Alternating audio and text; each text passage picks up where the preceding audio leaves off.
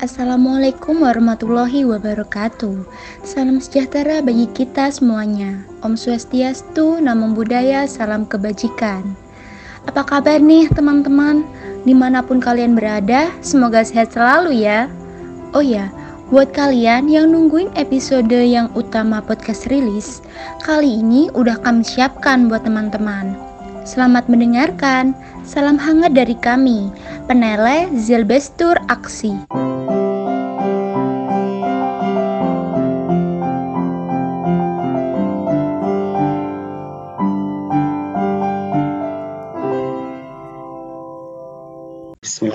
Bismillahirrahmanirrahim. Kita bertemu dalam rangkaian acara Bincang Kepemudaan Nasional. Uh, diselenggarakannya rangkaian Bincang Kepemudaan Nasional ini sebenarnya dalam menyongsong akan diselenggarakannya Diksarnas ke-13 di Sumbawa, NTB oleh teman-teman dari aktivis peneleh.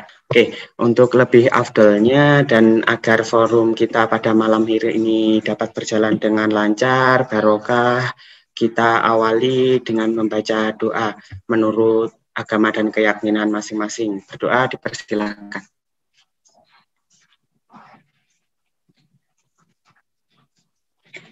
Oke, sebelum lebih jauh, uh, sebelumnya saya ingin memperkenalkan diri saya terlebih dahulu. Perkenalkan, nama saya Ibnu Syifa, saya berasal dari aktivis peneleh. Di sini saya diamanahi sebagai moderator pada acara Bincang Kepemudaan Nasional pada malam hari ini.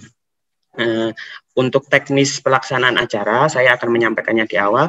Teknis acara akan diisi oleh enam pembicara, dari NW, dari HMI, dari IMN, GMNI, kami, dan dari Peneleh.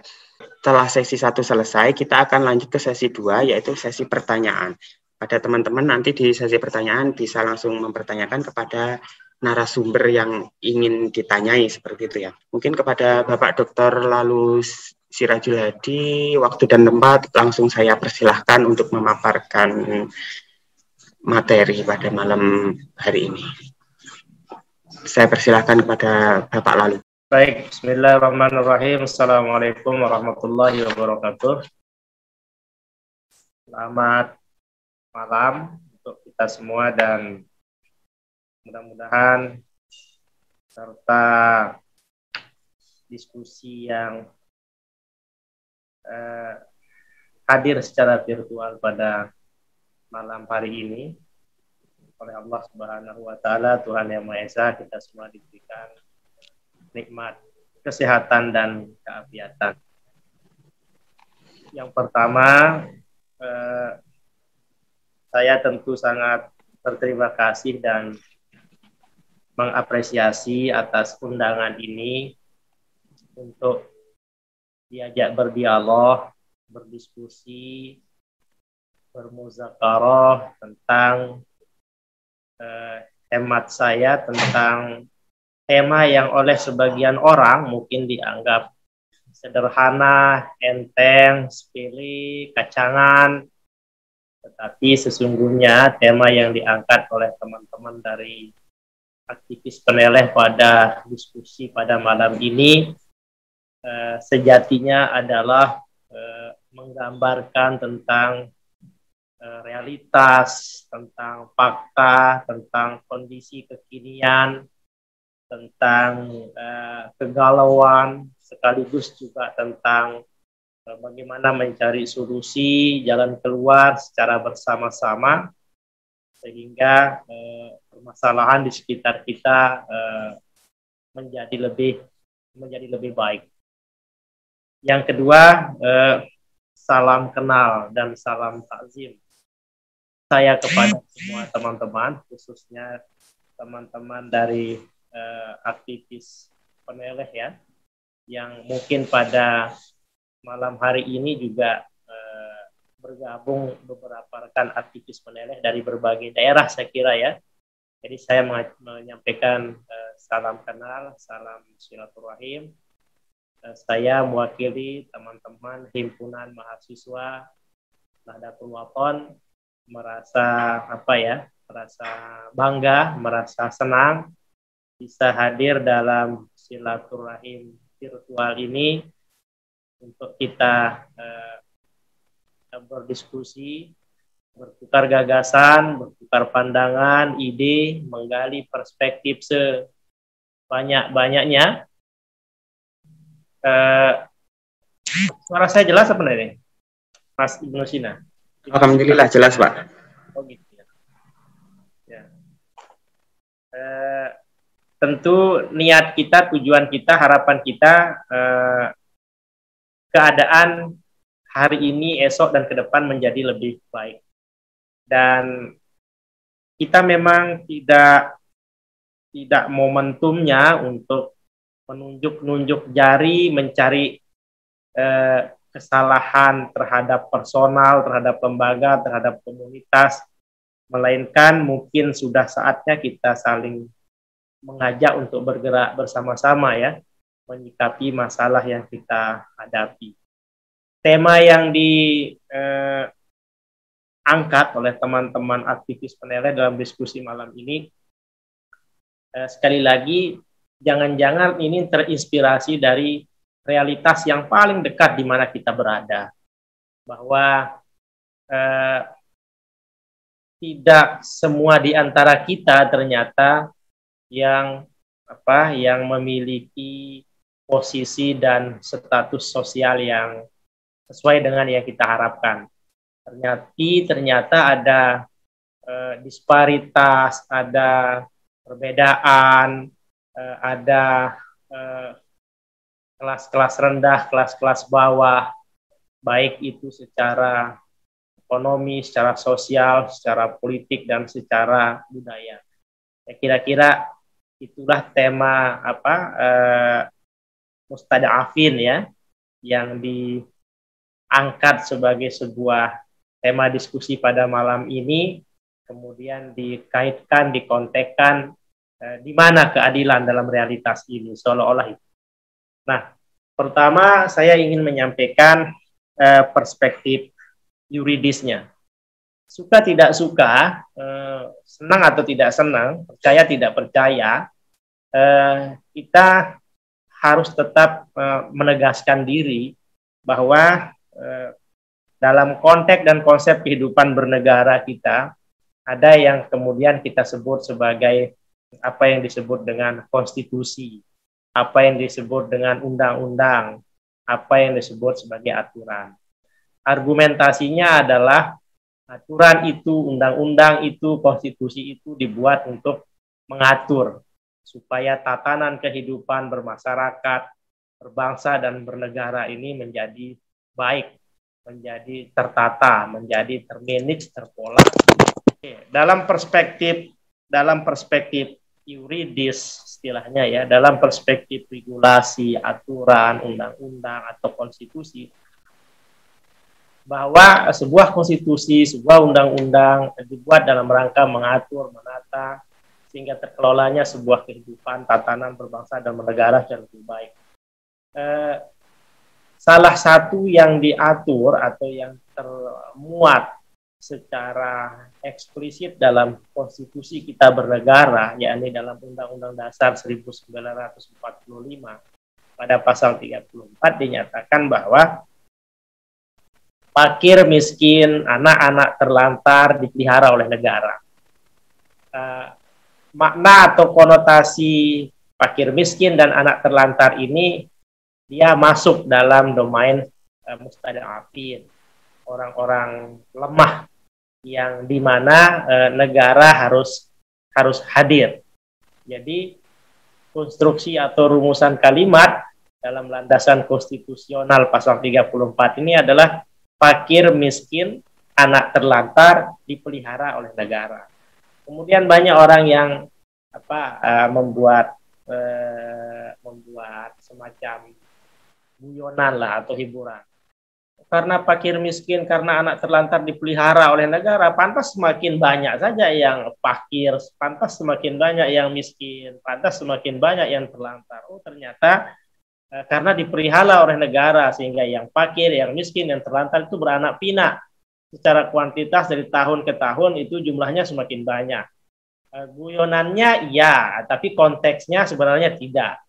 Ya, yang dimaksud dengan konteksnya sebenarnya tidak adalah uh, menjadi sangat ses menjadi sesuatu yang sangat naib apabila uh, memahami fakir miskin anak terlantar itu dipelihara oleh negara kemudian diartikan negara semakin negara yang sukses itu adalah negara yang uh, semakin uh, hari semakin tahun bisa memproduk memperbanyak fakir miskin. Tentu bukan itu mananya bukan itu konteksnya. Tetapi yang dimaksud dengan fakir miskin antar negara itu tentu tuntutannya adalah bagaimana negara hadir dalam membantu uh, mustadafin yang fakir, yang miskin, yang terlantar, kemudian menjadi lebih baik, kemudian berubah menjadi uh, lebih bagus, kemudian berubah menjadi apa uh, lebih dari sebelumnya.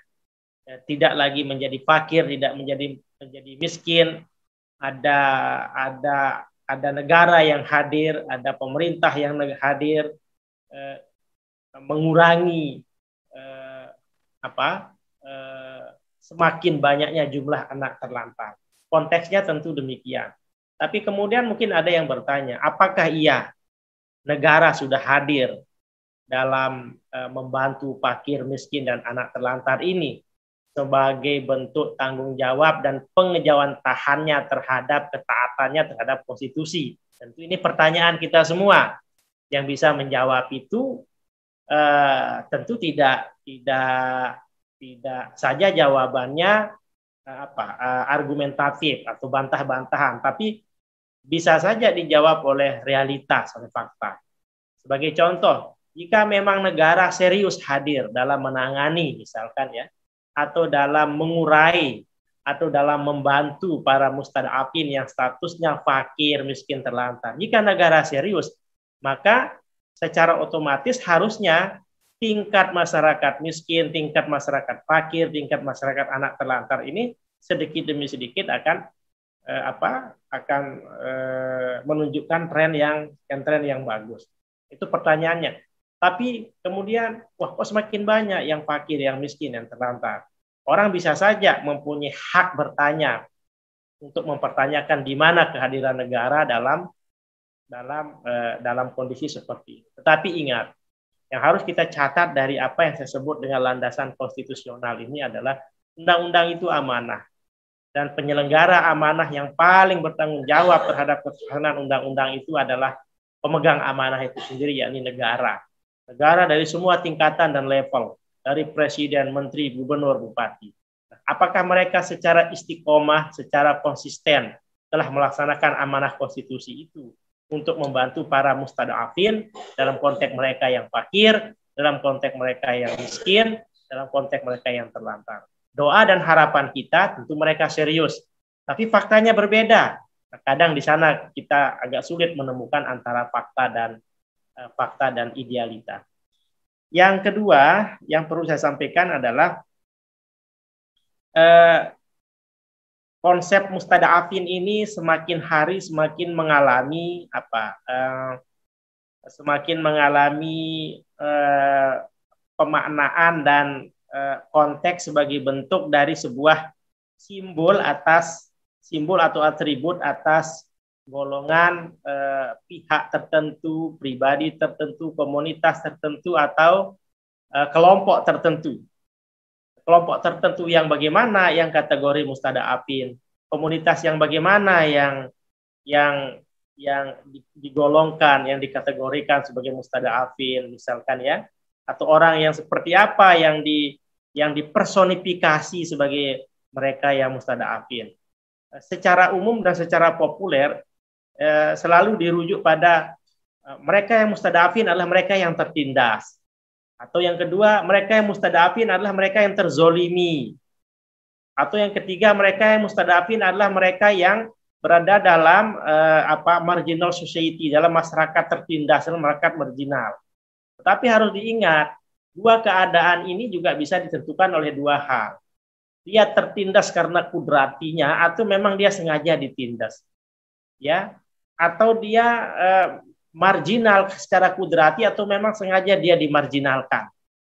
Nah, konsep tertindas, konsep terzalimi, konsep termarginalkan ini tentu konteksnya tidak hanya satu variabel. Ada orang yang tertindas, terzolimi, termarginalkan secara ekonomi, tetapi juga ada yang secara politik, mungkin juga ada yang secara budaya, ada yang secara sosial. Kemudian kita membuat satu pertanyaan besar. Siapa sih yang melakukan penindasan ini? Golongan apa sih yang bisa melakukan apa uh, kooptasian ini misalkan. Ya tentu tidak mungkin orang lemah bisa menindas eh, orang lain. Pasti secara logis, secara rasional yang bisa menindas orang lain adalah orang yang memiliki power, orang yang memiliki kekuatan, orang yang memiliki uh, kekuasaan. Nah, tetapi eh, atas dasar apa penindasan dilakukan? Atas dasar apa eh, pelemahan dilakukan? Tindakan-tindakan zolim dilakukan? ini tentu ranahnya sangat eh, complicated sekali ya. Apalagi di sekitar kita, eh, dinamika kehidupan kita sangat kompleks, sangat eh, apa, sangat berdinamika, banyak faktor, banyak varian yang mengakibatkan itu terjadi.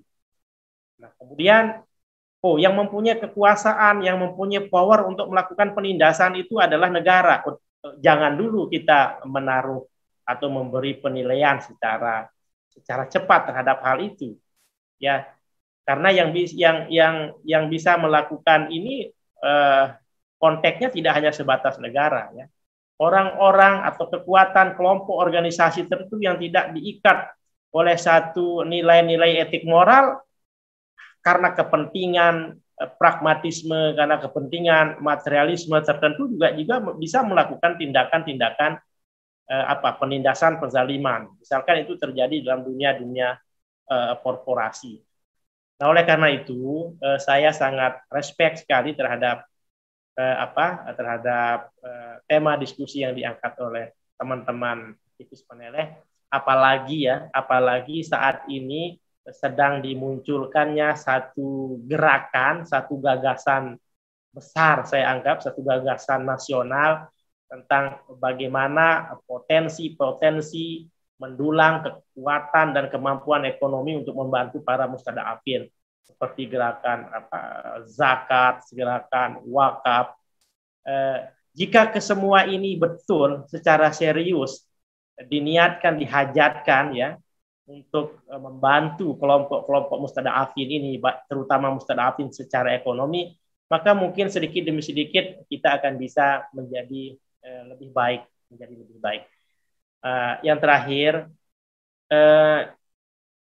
dalam konteks bagaimana kita bisa berbuat dan memberi solusi sebagai bagian dari pihak dari pribadi, kelompok atau komunitas yang memberi solusi, saya kira uh, terutama dalam konteks dalam perspektif Islam ya bahwa uh, adalah sebuah anjuran ya bahkan adalah sebuah perintah bagi kita setiap orang itu ya untuk membantu eh, saudara-saudara kita yang lemah baik mereka itu lemah secara apa secara ekonomi, politik, sosial, budaya, apalagi secara ilmu dan agama. Maka eh, saya eh, sangat respect sekali lagi teman-teman aktivis peneleh telah mengambil bagian ya minimal untuk membuka hazanah wawasan tentang realitas yang diungkap ke permukaan ini untuk kemudian semua kita bangsa, negara, masyarakat, keluarga mengambil peran ya secara maksimal sesuai dengan kapasitas masing-masing tentunya untuk bisa berbuat uh, sesuatu agar mustada'afin di negara kita ini, di sekitar kita ini uh, bisa kita apa? bisa kita perbaiki.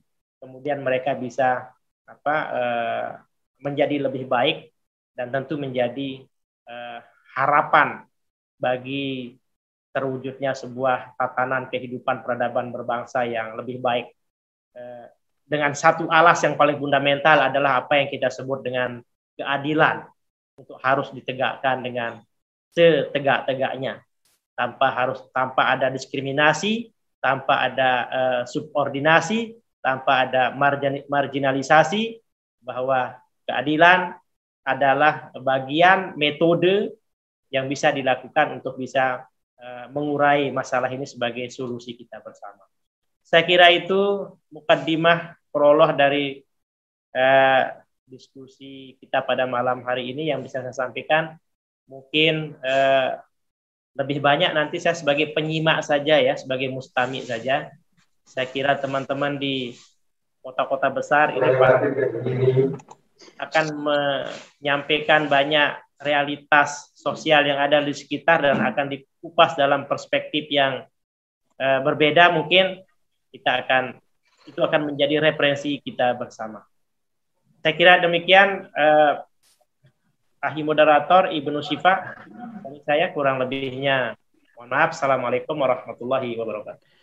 Waalaikumsalam warahmatullahi wabarakatuh. Terima kasih Pak.